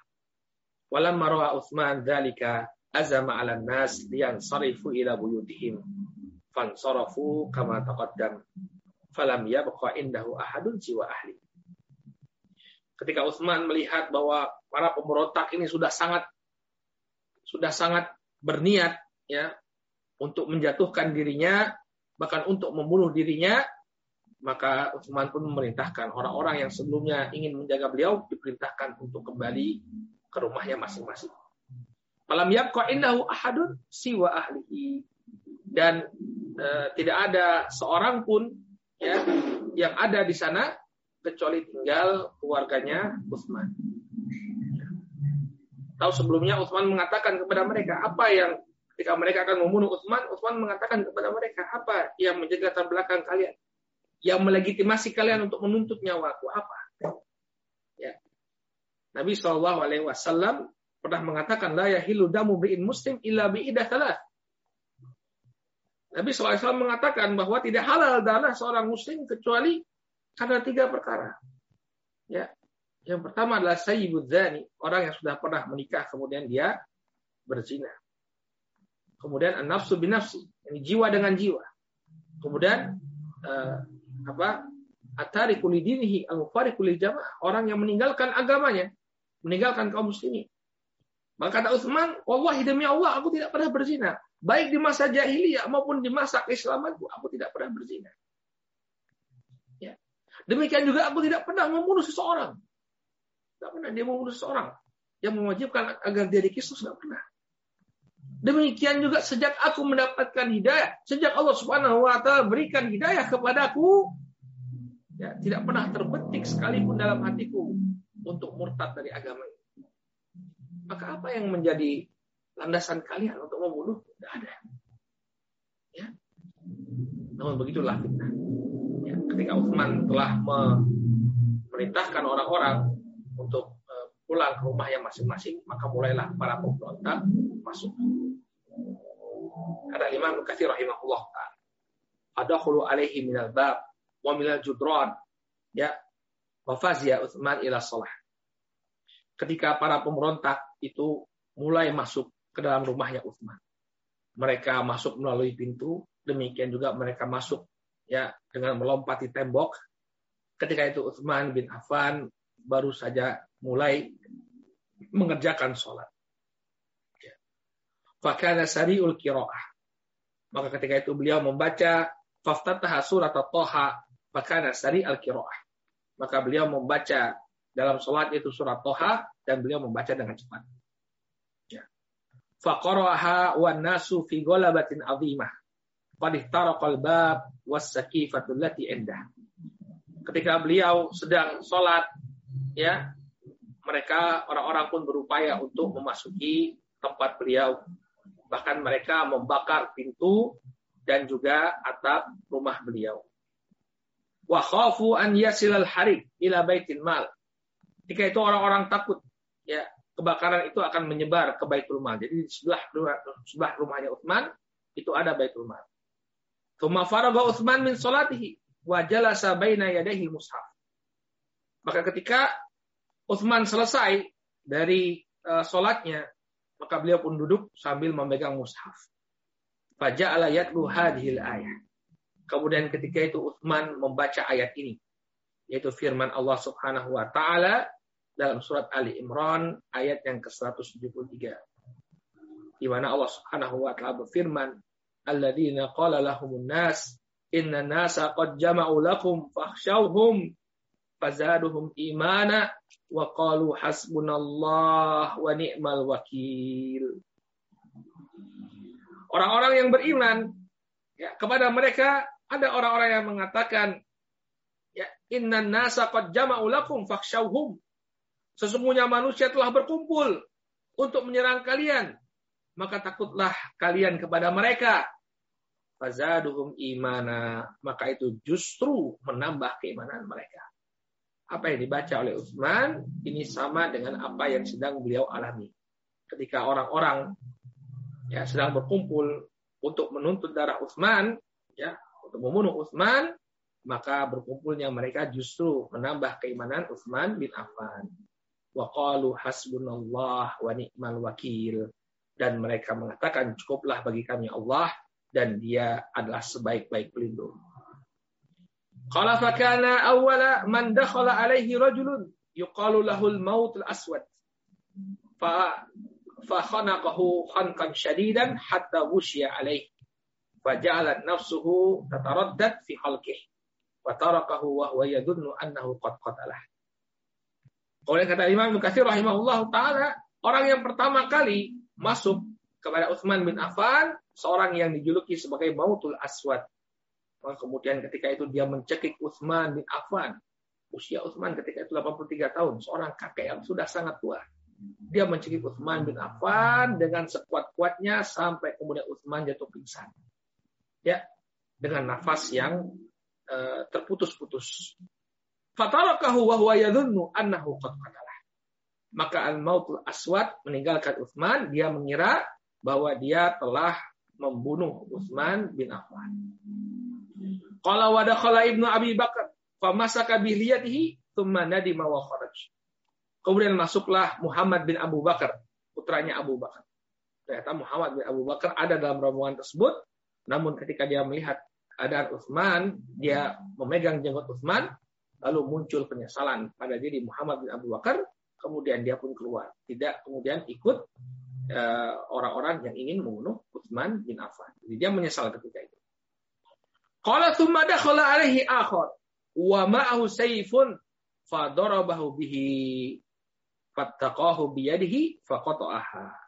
Ya. Maka kemudian setelah Muhammad bin Abu Bakar keluar, datang lagi seseorang dari kalangan pemberontak. Kemudian dia menebaskan pedangnya kepada Utsman bin Affan Kemudian Utsman bin Affan menangkis dengan tangannya sampai kemudian ya tangan Utsman bin Affan pun putus. Kemudian Utsman bin Affan mengatakan wallahi innaha awalu yadin kata Badil Mufassal. Demi Allah, inilah tangan yang dahulu menuliskan surat-surat Al-Mufassal. Surat-surat Al-Mufassal ini adalah surat-surat pendek yang turun di kota Makkah. Jadi Nabi SAW belum pindah ke kota Madinah. Siapa yang menuliskan surat-surat tersebut? Siapa yang menuliskan ayat-ayat Al-Quran itu dalam lembaran-lembaran kertas, dalam lembaran-lembaran kulit? Tangannya Utsman ibn Affan. Kemudian fakana awalu qatrati damin minha saqatat ala hadil ayah fasayafikahumullah wa huwa samiul alim. Ketika itu Utsman bin Affan ya ketika di, diputuskan tangan beliau darah beliau ya mencucuri ayat Allah Subhanahu wa taala dalam Al-Qur'an ya dalam surat Al-Baqarah ayat ke-137 fasayakfikahumullah wa huwa samiul alim. Allah lah yang akan mencukupkan dirimu dari mereka dan dia maha mendengar lagi maha mengetahui. Jadi darahnya Utsman itu menetes pada ayat tersebut. Yang dikisahkan bahwa nanti mushaf mushaf yang dibaca oleh Utsman ini diambil oleh Aisyah, oleh pembantunya Aisyah, kemudian dibawa kepada Aisyah, maka dilihat ada bekas-bekas darah ya di ayat uh, di surat uh, Al-Baqarah ayat ke-137. Maka kemudian summa jaa akhar syahiran saifah. Ya. Fastaqbalathu Nailah bintul Farah fi syah litamna'ahu binhu. Kemudian datang lagi seseorang ya, sambil menghunus pedangnya, dia ingin menikam uh, Uthman bin Affan. Nah, ketika itu istri Uthman yang bernama Nailah bintul Farah berupaya untuk menghalangi laki-laki tersebut. Wa aqadati sayf fantaza'ahu minha faqata'a asabi'aha. Kemudian pedang itu pun dia sabetkan sehingga jari-jari Nailah uh, istri dari Utsman di antara jari-jari Nailah itu ada yang yang terputus. Tsumma innahu taqaddama ilahi fawada'a sayfi fi batnih fatahamala alai. Ya. Kemudian setelah dia memutuskan beberapa jarinya Nailah, Orang tersebut pun datang menyongsong Utsman, kemudian dia tikamkan uh, pedangnya ke perut Utsman. Fatahamala alaihi radhiyallahu an Utsman, ya. Kemudian Utsman pun kepayahan ya. Tahamala artinya dia berupaya survive. Ketika ditikam uh, oleh orang tersebut, Utsman berupaya untuk tetap survive. Kalau fi riwayatin anna Ghafiqi ibn Harb taqaddama ilaihi ba'da Muhammad bin Abi Bakar fadarabahu bihadida fi fihi. Dalam riwayat yang lain dikatakan ada seseorang yang bernama Al-Ghafiqi bin Harb dia maju menyongsong Utsman bin Affan kemudian dia memukul mulut Utsman ya dengan besi farafasal mushaf alladhi baina yadayhi. Kemudian mushaf yang dipegang oleh Utsman itu terguling. Ya. Kemudian uh, farafasal mushaf alladhi baina yadayhi bi rijlihi. Kemudian orang tersebut pun menendang uh, mushaf yang ada di tangan Utsman dengan kakinya. Wastadar mushaf. Kemudian mushaf itu pun terguling. Ya. Qala tsumma istaqarra baina yaday Utsman radhiyallahu anhu. Kemudian Utsman berupaya untuk mengambil mushaf tersebut. Fasalat alaihi bima. Nah, ketika itulah darah menetes ya dari tangannya Utsman bin Affan ya fadaraba Utsman faqatala. Kemudian orang itu kembali menebaskan pedangnya sehingga Utsman pun terbunuh. Jadi Utsman itu berupaya untuk menyelamatkan Al-Qur'an tadi. Kenapa kok darahnya itu menetes dalam surah Al-Baqarah tadi? Karena beliau berupaya menyelamatkan mushaf yang terlempar tadi. Ketika itu orang malah justru mengambil kesempatan ketika Utsman ingin mengambil mushaf tersebut, mereka justru menebaskan pedangnya dan membunuh Utsman bin Affan. Ya. Bahkan lebih daripada itu, mereka pun melecehkan keluarga Utsman bin Affan. Tsumma taqaddama Sudan bin Hamran. Kemudian kata Ibnu Katsir rahimahullah, ada maju seseorang yang bernama Sudan bin Hamran bisaif. Ya. Ada Sudan bin Hamran yang ingin uh, membunuh Utsman bin Affan tapi famanathu Nailah. Maka ketika itu lagi-lagi Nailah, istrinya Utsman berupaya untuk menghalanginya. Faqata asabiha. Kemudian dia pun memutus kembali, dia menebaskan pedangnya sehingga terputus kembali jari-jari Nailah. Ini Allah taala alam. Apa Imam Nailah itu sampai dua kali terputus jari-jarinya. Ya. Fawallat maka kemudian setelah terputus jarinya, Nailah pun lari Fadoroba ajizataha biyadihi. Maka kemudian Saudan binti Humran bin Humran ini yang baru saja memutus jari-jari Nailah memukul pantatnya istri Uthman. Jadi mereka ini bukan orang-orang yang soleh. Ya. Mereka ini orang-orang yang yang bengis, orang-orang yang kecil. Wa qala innaha lakabiratil ajizah. Sesungguhnya wanita ini pantatnya sangatlah besar. Ya, orang-orang yang purno, orang-orang yang ngeres. Ya. Lihat ketika Utsman bin Affan sudah dalam keadaan seperti itu, dia masih melecehkan istrinya Utsman. Maka kemudian budaknya Utsman atau pelayannya Utsman nggak terima, ada pelayannya di situ, nggak terima majikannya dilecehkan. Fadarabal gulam, ya, eh, rojulun yuqalu lahu qatrah faqatalaha atau uh, faja'a gulam Utsman faroba sudah fadaraba sudan faqatalah maka kemudian uh, pelayannya Utsman tidak diterima, tidak, tidak terima majikannya diperlakukan seperti itu. Kemudian dia pun mengambil pedangnya, kemudian membunuh Sudan, laki-laki yang telah melecehkan majikannya. Namun kemudian ada seseorang yang bernama Kotrah, dia pun membunuh pelayannya Utsman bin Affan. Ya. Kemudian setelah Utsman bin Affan meninggal dunia atau mati syahid, orang-orang pun berupaya untuk memenggal kepalanya. Jadi mereka ingin memotong kepala Utsman bin Affan radhiyallahu taala anhu. Hanya saja para wanita ketika itu berteriak ya sampai kemudian uh, mereka pun tidak jadi untuk uh, memotong kepala Utsman.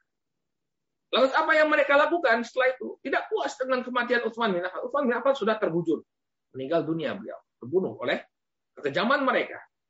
Ya, apa yang mereka lakukan ini mengingatkan kita pada aksi orang-orang komunis ya, orang-orang komunis ya, mereka kejam membunuh uh, apa para jenderal ketika itu. Sama ya. Ini juga sama. Nah ketika mereka berhasil membunuh uh, Utsman bin Affan apa yang mereka lakukan?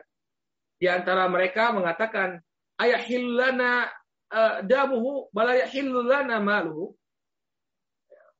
Uh, wahai segenap manusia darahnya Utsman ini halal bagaimana mungkin hartanya tidak halal untuk kita kalau darahnya halal, hartanya halal. Maka apa yang mereka lakukan? Mereka pun menjarah harta yang ada di rumah Utsman bin Affan radhiyallahu taala. Bahkan lebih daripada itu, Baitul Mal yang ada di sebelah rumahnya Utsman menjadi sasaran mereka.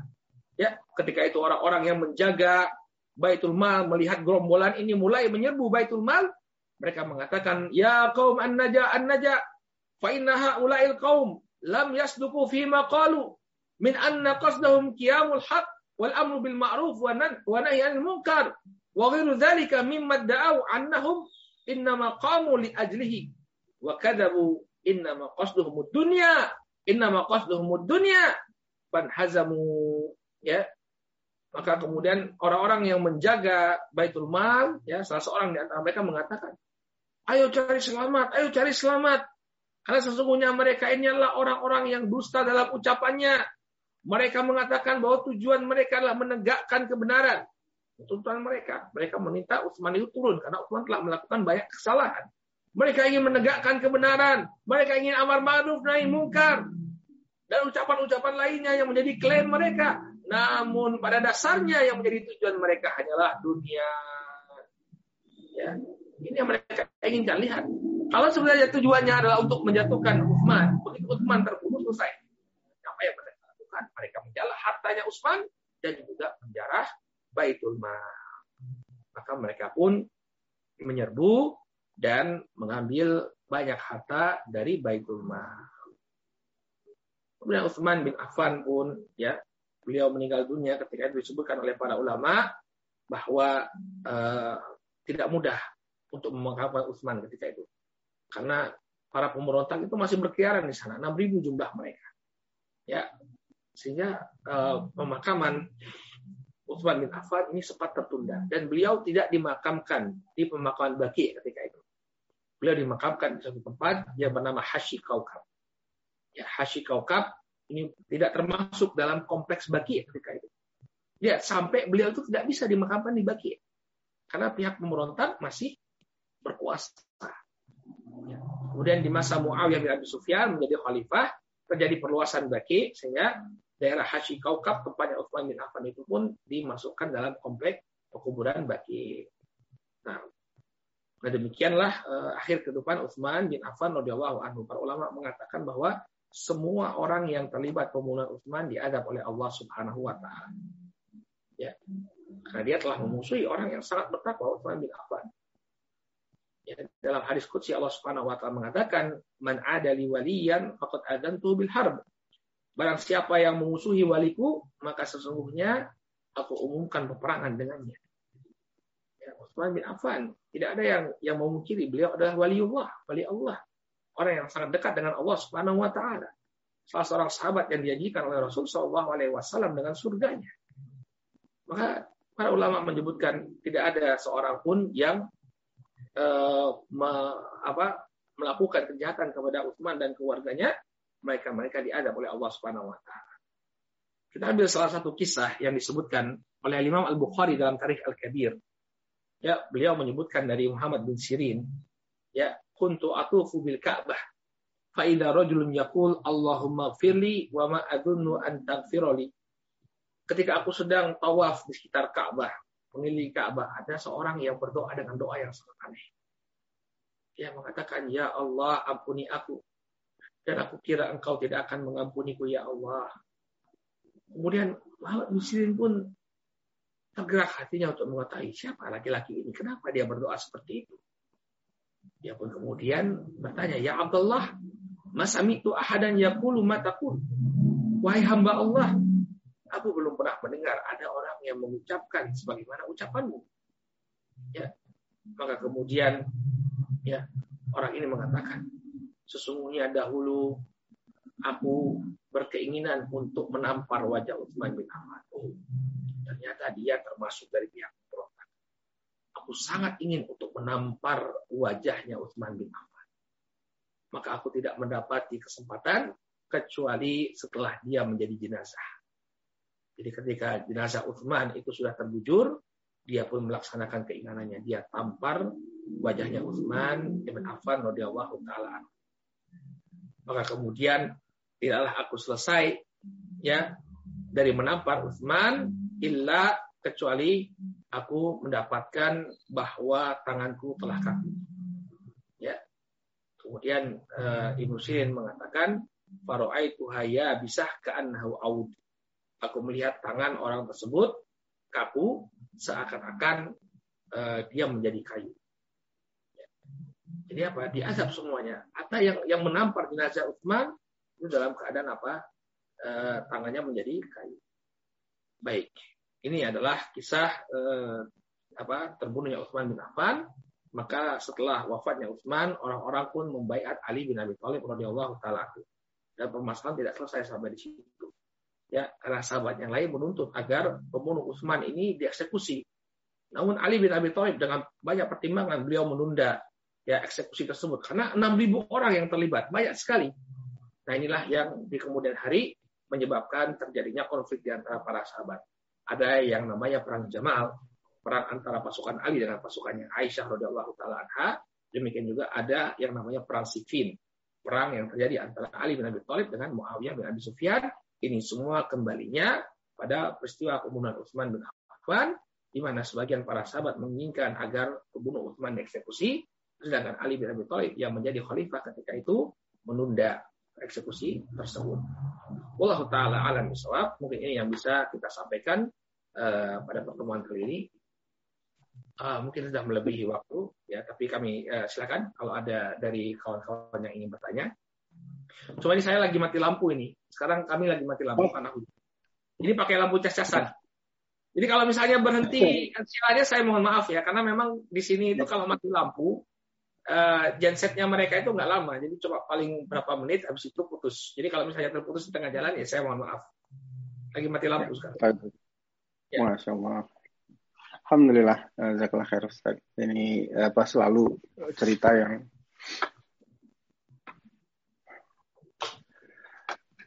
yang emosional buat kita semua. Baik. Uh, sudah ada beberapa pertanyaan. Saya ingatkan kembali kepada teman-teman, jika ingin bertanya silahkan uh, raise hand uh, untuk bertanya langsung. Uh, sebelum kita ke sana ada beberapa pertanyaan yang sudah ditipkan. Saya share screen ini Ustaz. Uh, mohon izin sebentar. Bismillahirrahmanirrahim. Uh, pertanyaan Ustaz. Assalamualaikum. Izin bertanya. Uh, apakah jadi nepotisme, itu dalam Islam diperbolehkan ya Ustaz? Juga secara syariat. Apa diperbolehkan ini Ustaz? Baik, apa pengertian nepotisme di sini? Kalau kita membantu saudara kita, ya, misalnya memberikan mereka pekerjaan, di mana mereka memang kompeten untuk uh, apa melakukan pekerjaan tersebut dan tidak melanggar hak orang lain, makanya demikian diperbolehkan. Saudara itu memiliki hak. Ya, saudara itu memiliki hak untuk kita bantu. Ya, dalam Al-Qur'an Allah Subhanahu wa taala berfirman, "Wa utullaha wa la tusyriku bi syai'a wa bil walidaini ihsana wa bil qurba." Kata Allah Subhanahu wa taala dan beribadahlah kalian kepada Allah Subhanahu wa taala dan janganlah kalian menyekutukannya dengan sesuatu apa pun dan berbuat baiklah kepada uh, bapak uh, kepada kedua orang tua kalian wabidil kurba dan orang-orang yang memiliki kekerabatan kepada kalian. Sudah tidak mengapa bagi seseorang dia punya jabatan, dia dia bisa memberikan pekerjaan kepada saudaranya. Selama itu tadi syaratnya. Mereka punya kompetensi, kemudian tidak melanggar hak orang lain. Kalau gak gitu, aduh sayang dong ya. Kasihan orang-orang yang punya potensi, kemudian karena dia masih punya hubungan kekerabatan dengan orang yang berwenang, dia jadi nggak bisa punya jabatan atau dia nggak bisa nggak bisa berkarir. Ya, kalau kita memang nggak boleh nepotisme atau nggak boleh memberikan kesempatan bagi karib kerabat kita, sih boleh-boleh saja. Selama orang yang diangkat itu memang memiliki kompetensi dan uh, dia uh, apa tidak melanggar hak orang lain. Misalnya nilainya kurang, tapi karena dia saudara kita, dia lulus, dia yang terpilih. Nah, ini nggak boleh. Kenapa? Melakukan kedoliman kepada orang lain. Tapi kalau misalnya memang dia apa punya kompetensi, ya dia menguasai dan dia lulus ujian, kenapa tidak boleh kita mengangkat saudara kita? Ya, yang demikian justru di, diperintahkan dalam agama. Ya, karib kerabat itu memiliki kedudukan. Ya, karib kerabat itu memiliki kedudukan yang harus kita perhatikan. Wallahu taala alam. Jadi nepotisme tidak uh, tidak dilarang secara mutlak, ya, tapi dia uh, apa diperbolehkan dengan beberapa syarat. Allah taala Baik, uh, ini pertanyaannya agak panjang nih Ustaz. Saya tanyakan Bismillahirrahmanirrahim. Assalamualaikum warahmatullahi wabarakatuh. Izin bertanya Pak Ustadz, di Mushaf Al-Quran yang dahulu, ada sur di dalam surat Al-Kahfi ayat 19, bunyi ayat walyatalatu, seingat saya semasa kecil, tercetak warna merah atau hitam tebal. Dan saya pernah membaca kalau itu sebagai sejarah saat disusun mushaf oleh Khalifah Utsman bin Affan, beliau dalam keadaan berdarah tangannya karena ditusuk pedang oleh yang tidak menyukai beliau. Ada juga yang mengatakan sebagai tanda pertengahan bacaan Al-Quran. Mohon pencerahannya, pencerahannya Pak Ustadz. kalau khairan. Siran. Assalamualaikum Ibu Mustika Balikpapan. Itu Al-Kahfi Ustaz berapa itu? Menarik ini. Saya baru tahu. Uh, Al-Kahfi ayat 19 ya itu ya. Al yang telat. Ya. Wala yusyiranna. 15. Allah kalau di wala yatalattaf wala yusyiranna bikum ahada. Wallahu taala alam. Jadi uh, mushaf kita tidak ada. Ya. Hmm. Yang ada itu di ayat yang ke 17 itu watara syamsa itu tanda hizib ya. Tanda seperempat hizib yang ke-30. Wallahu taala alam. Tahu ini Bu. Tidak. Sepertinya tidak benar itu. Sebenarnya tidak benar karena uh, ayat yang kena darahnya Utsman bin Affan itu adalah surat Al-Baqarah. Fasayakfika humullah. Ya. Fasayakfika humullah itu yang terkena uh, percikan darah Utsman bin Affan radhiyallahu taala Al-Baqarah ayat 137. Ya, Allah taala Saya lanjutkan uh, Ustaz ke pertanyaan berikutnya. Assalamualaikum. Uh, apakah fitnah-fitnah ini berasal dari Abdullah bin Sabah semuanya atau atau Abdullah bin Sabah ini mengambil inisiatif untuk menyerang atau mungkin maksudnya sebagai yang mengambil kesempatan dalam kesempitan ini Ustaz? Ya, sepertinya Abdullah bin Sabah ini aktor intelektual. Jadi dia menebarkan isu di tengah-tengah masyarakat agar terjadi kekacauan. Ini tujuan dia. Adapun apa yang terjadi di lapangan ya ini mungkin uh, secara murni mungkin bukan dia lagi aktornya. Cuma memang dia bergerilya ketika itu. Kalau ulama menjelaskan bahwa dia bergerilya ketika dia pergi ke Kufa, dia pergi ke Basra, dia pergi ke Mesir ya untuk menimbulkan kekacauan, menimbulkan uh, kebencian kepada Utsman bin Affan. Adapun ekses dari itu semua ya mungkin sudah di luar uh, rencananya dia. Artinya dia pokoknya kacau apa pun yang terjadi yang penting kacau. Ternyata itu hmm. uh, merucut pada peristiwa pembunuhannya Utsman bin Affan. Adapun apakah dia menjadi aktor pembunuhan di balik uh, di balik pembunuhan Utsman uh, sejauh yang saya tahu tidak sampai sedetail itu. Cuma dia yang bikin kacau memang dengan memprovokasi orang untuk membenci Utsman bin Affan radhiyallahu taala. Allah taala alam. Uh, boleh saya sambung pertanyaan ini Seth, dari pertanyaan saya sendiri yang barusan ini Abdullah bin. Kan? Jadi beliau ini Abdullah bin Sabah ini apa yang sebetulnya tujuan dia Ustaz? Uh, dasarnya dia untuk me melakukan fitnah-fitnah ini Ustaz? Dalam Baik, Abdullah bin Sabah ini sosok Yahudi, Yahudi. Jadi dia benci terhadap Islam. Uh, Para ulama mensejajarkan dia dengan Paulus ya. Jadi Paulus itu kalau kita baca sejarahnya Nasrani, ya, mereka sama-sama Yahudi, kemudian sama-sama beralih agama, meninggalkan agamanya yang lama, kemudian kalau Paulus itu berpura-pura menjadi Nasrani, Abdullah bin Sabah berpura-pura menjadi seorang Muslim. Tujuannya agar apa? Tujuannya agar membuat kekacauan dalam agama yang baru ini. Maka Paulus hmm. ya, dia membuat ajaran-ajaran baru dalam Nasrani sampai menjadi uh, mengkerucut pada Trinitas Abdullah bin Sabah tadi itu dia mencoba untuk uh, membuat kekacauan di tengah-tengah kaum muslimin dan bahkan bukan hanya membenci Utsman bin Affan juga ya Abdullah bin Sabah ini juga yang uh, meng, apa, mengkampanyekan pengkultusan kepada sosok Ali bin Abi Thalib. Ya. Hmm. mengkultuskan Ali bin Abi Thalib. Sehingga apa akibatnya? Muncul dua golongan besar di antara kaum muslimin. Ada Sunni ada Syi'i. Ada Sunni dan ada Syiah. Nah, ini sama dengan apa yang dilakukan oleh Paulus. Jadi itu tujuannya.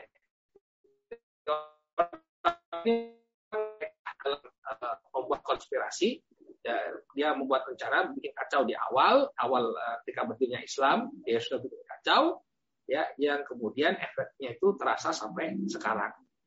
Nah, itu tujuannya. Ini membuat uh, kekacauan di tengah-tengah kaum muslimin. Hmm. Ya. Oke, okay. uh, eh, ini pertanyaan berikutnya, Ustaz. Uh, Assalamualaikum. Uh, apakah pembunuh pembunuh pembunuh Utsman bin Affan ini kaum Khawarij, Ustaz? Ya, para ulama, Al-Imam Ibnu Katsir rahimahullah dalam Bidayah Bunihaya menyebutkan bahwa mereka adalah Khawarij. Ya, mereka adalah orang-orang Khawarij. Jadi Khawarij ini dia bermetamorfosis ya ber, berkali-kali karena mereka memang landasan perjuangannya itu adalah hawa nafsu, bukan di atas ilmu. Jadi di awal uh, apa di awal fitnah mereka berada di posisi Ali. Ya, ketika Utsman ingin menjatuhkan Utsman bin Affan, mereka menjadi pendukungnya Ali. Ya, nanti ketika Ali menjadi khalifah, mereka memberontak kepada Ali. Jadi mereka awal fitnah itu mendukung Ali, kemudian nanti keluar juga dari ketaatan kepada Ali bin Abi Thalib sampai kemudian mereka dibantai oleh Ali bin Abi Thalib dalam perang Nahrawan. Orang-orang yang sama, orang yang sama yang uh, sebelumnya membunuh Utsman, ketika Ali naik ke atas ke tamu kepemimpinan pun mereka memberontak kepada Ali bin Abi Thalib. Jadi mereka adalah uh, para ulama menyebut mereka sebagai orang-orang Khawarij mulai dari Utsman mereka keluar, kemudian di masa Ali pun nanti mereka keluar dan Ali menjadi salah seorang korban mereka. Ya. Baik. Uh, ini ada pertanyaan yang di luar topik ini Ustaz. Jadi tadi yang sesuai dengan topik sudah habis. Ya, insya Allah kita jadi masuk ke pertanyaan yang di luar topik. Pertanyaannya agak panjang nih Ustaz. Assalamualaikum warahmatullahi wabarakatuh. Mau bertanya Ustaz, maaf di luar topik melihat hadis tentang taat kepada ulil amri yang diriwayatkan oleh Imam Bukhari di website-website yang berbahasa Inggris ada kata-kata I appoint. Seperti berikut narrated Abu by Abu Hurairah radhiyallahu anhu Allah Messenger sallallahu alaihi wasallam said whoever obeys me obeys Allah and whoever disobeys me disobeys Allah and whoever obeys the ruler I appoint obeys me and whoever disobeys him disobeys me tapi di website-website hadis yang berbahasa Indonesia tidak ada kata-kata I appoint atau yang saya tunjuk seperti berikut dari Abu Hurairah radhiyallahu anhu. Nabi Shallallahu alaihi wasallam bersabda, barang siapa mentaatiku maka ia berarti mentaati Allah. Barang siapa yang tidak mentaatiku berarti tidak mentaati Allah. Barang siapa yang taat pada pemimpin berarti ia mentaatiku. Barang siapa yang tidak mentaatiku berarti tidak mentaatiku apakah ketaatan itu memang kepada ulil amri secara umum atau hanya yang ditunjuk oleh Rasulullah SAW ya Ustaz?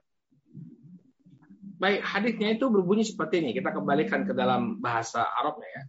Man ani faqat atau Allah, wa man asani faqat asallah.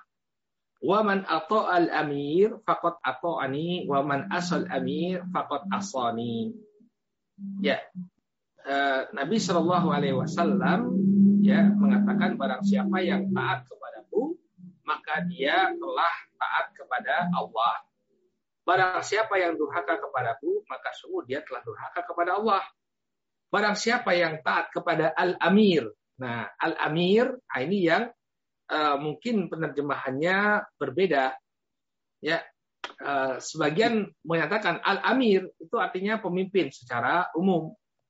Adapun al-amir uh, ada alif lamnya di sana itu menunjukkan uh, pemimpin yang khusus, pemimpin yang uh, telah ditunjuk oleh Rasul Shallallahu Alaihi Wasallam. Jadi kasusnya itu adalah sifatnya adalah kasuistik.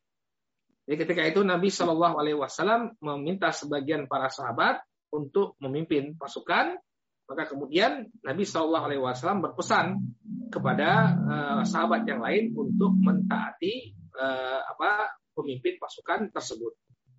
Wallahu taala alam eh, di dalam Islam sendiri eh, pemimpin baik itu ditunjuk oleh Rasul Shallallahu Alaihi Wasallam ataupun tidak, ya selama dia adalah pemimpin yang Muslim maka wajib bagi kita untuk mentaatinya. Dalil yang menunjukkan wajibnya untuk taat kepada pemimpin bukan hanya hadis ini saja, hadis yang mungkin masih bisa diinterpretasikan dengan pemimpin yang ditunjuk oleh Rasul Shallallahu Alaihi Wasallam. Tapi banyak lagi dalil-dalil yang lain yang menunjukkan bahwa pemimpin itu ditaati.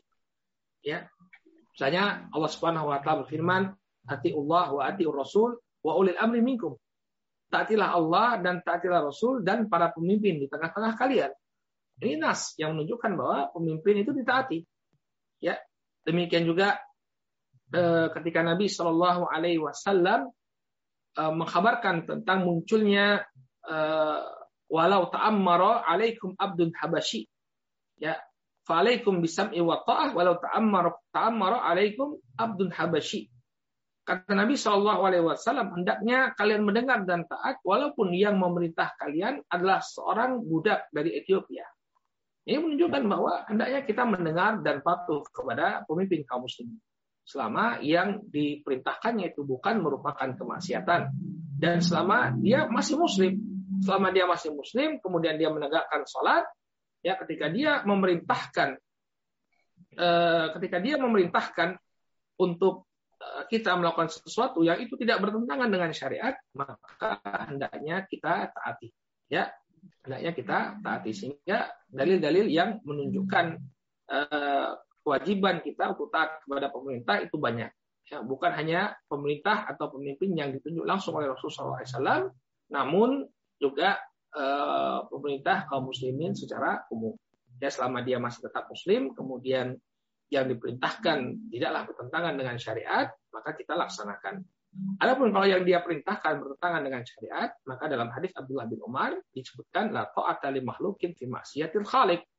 Tidak ada ketaatan kepada makhluk dalam bermaksiat kepada sang pencipta. Wallahu taala Sebetulnya saya ada pertanyaan banyak tentang ini Ustaz, tapi nanti nanti ini buat lain kali mungkin Ustaz. Ini ada beberapa pertanyaan dari jamaah. ada beberapa pertanyaan dari jamaah insyaallah bismillahirrahmanirrahim. Assalamualaikum warahmatullahi wabarakatuh. Ustaz izin bertanya, uh, di manakah Allah dan apa hukum tahlilan Ustaz? Tanda singkat sekali. Ya, dalam Al-Quran Allah Subhanahu wa taala berfirman Ar-Rahmanu 'ala tawa. Ya, Allah itu berada di atas arsnya. Ya, dan ars itu berada di atas langit dalam hadis Muawiyah bin Al-Hakam, Nabi Shallallahu Alaihi Wasallam pernah bertanya kepada seorang uh, budak, ya, untuk menguji keimanannya. Beliau menguji budak tersebut dengan dua pertanyaan. Aina Allah wa man ana. Ya di mana Allah dan uh, siapa saya? Maka budak tersebut mengatakan Allah sama. Ini Allah di atas langit. Anta Rasulullah dan engkau adalah utusan Allah. Maka kemudian Nabi SAW mengatakan, Iktikha fa innaha mu'minah bebaskan budak ini karena budak ini merupakan budak mukminah, budak yang beriman kepada Allah. Dari sini, dari dua dalil ini kita bisa menyimpulkan bahwa Allah Subhanahu wa taala berada di atas arsnya yang terletak di atas langit. Kemudian apa hukum tahlilan? Allah taala alam tahlilan tidak diadakan di masa generasi uh, awal Islam. Ketika Rasulullah SAW masih hidup, demikian juga para khulafa Rasyidin masih hidup, ya dan pada generasi setelahnya tidak ada yang melakukan tahlilan. Ya tidak ada yang melakukan tahlilan. Sehingga hal ini merupakan perkara yang diadakan dalam agama kita. Ya sekarang kita tanya ketika Abu Bakar meninggal dunia siapa yang memimpin tahlilnya ya kalau ada yang bisa jawab ya nanti di apa uh, apa kajian paduka ngasih hadiah ya Siapa yang memimpin ketika Abu Bakar meninggal dunia? Siapa memimpin tahlilannya? Ya, ketika Utsman meninggal ini siapa memimpin tahlilannya? Tidak ada.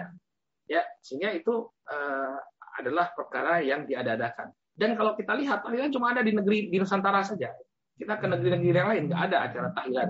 Ya, acara tahlilan itu tidak ada. Maka ini uh, apa kuat sekali uh, apa kuat sekali dugaan bahwa ini sebenarnya adalah uh, ajaran tradisi sebelum Islam yang ada di negeri kita. Karena memang uh, di budaya Hindu itu ada kumpul-kumpul di rumah mayit. Ya. Bahkan ini budaya budaya Timur ya, budaya Asia Timur. Uh, saya punya tetangga uh, Chinese ya di waktu tinggal di Bangka. Bangka itu kan banyak Chinese-nya ya. Di antara mereka ada yang masuk Islam, di antara mereka ada yang tetap memegang uh, budaya mereka. Kemudian ada yang komentar, ternyata uh, kita ini sama kata dia. Kenapa? Karena kami juga punya acara kumpul-kumpul uh, apa ketika mayit meninggal itu ketika ada keluarga yang meninggal, kami ada kumpul-kumpul sama dengan kalian tahlilan katanya. Oh iya, apa nama acaranya? Sitmoban katanya. Acaranya Sitmoban. Ya, Sitmoban itu artinya sit itu uh, makan, mo itu tidak, ban itu bayar. Ya, makan tidak bayar gitu. Jadi makan gratis, ada acara makan gratis ketika ada di antara anggota keluarga yang meninggal, mereka kumpul, kemudian mereka makan-makan. Nah ini eh, kemungkinan besarnya itu memang tradisi di Asia Timur, ya Asia Timur termasuk kita di Indonesia, kemudian dihias-hiasi dengan nuansa Islam, sehingga ada budaya tahlilan. Ya, kalau di negara lain tidak, tidak kita dapati. Saya di Yaman, saya di Yaman tiga tahun. Kalau ada yang meninggal nggak ada yang tahlilan, ya, nggak ada yang tahlilan. Jadi itu uh, pandangan kami tentang tahlilan dan Nabi SAW mengatakan man ahdatsa fi amrina hada ma laysa minhu Barang siapa yang mengadakan sesuatu yang baru dalam agama ini yang tidak ada perintahnya dari kami, maka perkara tersebut tertolak. Allah taala. Ya. Ini terakhir untuk malam ini Ustaz. Uh, insyaallah bismillahirrahmanirrahim. Uh, Ustaz mohon informasi buku sirah yang sahih untuk orang dewasa yang berbahasa Indonesia itu buku apa Ustaz? Mohon petunjuknya Ustaz. Buku Sirah Nabawiyah, ya saya ambilkan saja biar uh, jamaah bisa melihat.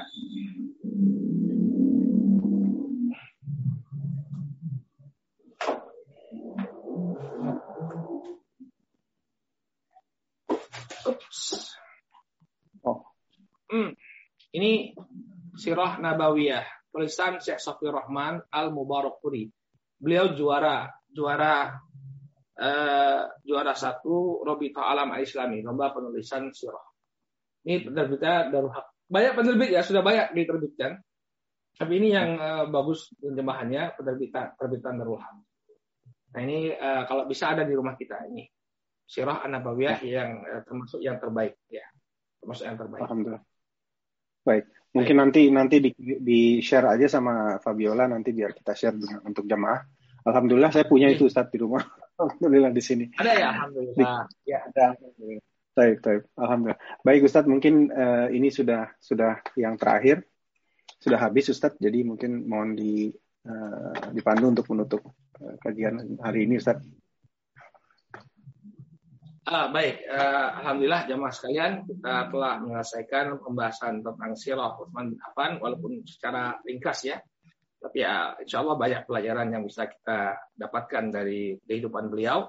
Dan kita bisa melihat ya orang yang mulia, orang yang punya kedudukan, orang yang sudah dijanjikan surga, ternyata uh, kalau kita lihat uh, kehidupan akhir kehidupan beliau cukup tragis ya sehingga uh, walaupun seperti itu akhir kehidupan beliau bukan menunjukkan bahwa beliau adalah seorang yang buruk ya justru Allah taala itu menginginkan kebaikan dari Utsman bin Affan. Ini apa? Dengan mendapatkan kematian secara syahid. Ada orang sebagian bertanya-tanya, kenapa kok Utsman katanya orang yang terbaik dijadikan surga oleh Allah taala ternyata akhir kehidupannya seperti itu. Itulah takdir Allah Subhanahu wa taala justru itu merupakan kemuliaan bagi sosok Utsman bin Affan. Ya, oleh karena itu kita hendaknya kita berusaha untuk meraih kedudukan yang tinggi di sisi Allah Subhanahu wa taala. Apa pun akhir kehidupan kita itu rahasia Allah Subhanahu wa taala, biarkan Allah Subhanahu wa taala yang menentukan, tapi yang hendaknya kita lakukan adalah berupaya semaksimal mungkin untuk mendapatkan kedudukan yang tinggi di sisi Allah Subhanahu wa taala dengan amalan kita. Wallahu taala alam bisawab. Mungkin ini yang bisa kami sampaikan dalam kajian Utsman bin Affan radhiyallahu anhu. Mudah-mudahan kita semua mendapatkan manfaat dan bisa menerani beliau radhiyallahu anhu. Cukupkan dulu sampai di sini. Subhanakallahumma wa bihamdika asyhadu an la ilaha illa anta astaghfiruka wa atubu ilaik. Assalamualaikum warahmatullahi wabarakatuh. Waalaikumsalam warahmatullahi wabarakatuh. Jazakallah khair Ustaz. Insyaallah kita akan kembali di kajian berikutnya langsung ke uh, kehidupan uh, kehidupan Ali bin Abi Thalib ya. Kita masuk ke sana. Oh, silakan. Baik. Ya. Uh, baik, semoga kajian kali ini bermanfaat. Kami dari pengurus rumah dakwah paduka mohon maaf jika ada kesalahan baik dalam perkataan maupun sikap. Insya Allah kita akan bertemu kembali di kajian berikutnya di pekan depan. Barakallahu fikum. Wabillahi taufiq hidayah. Wassalamualaikum warahmatullahi wabarakatuh. Jazakallah khair, Waalaikumsalam warahmatullahi wabarakatuh.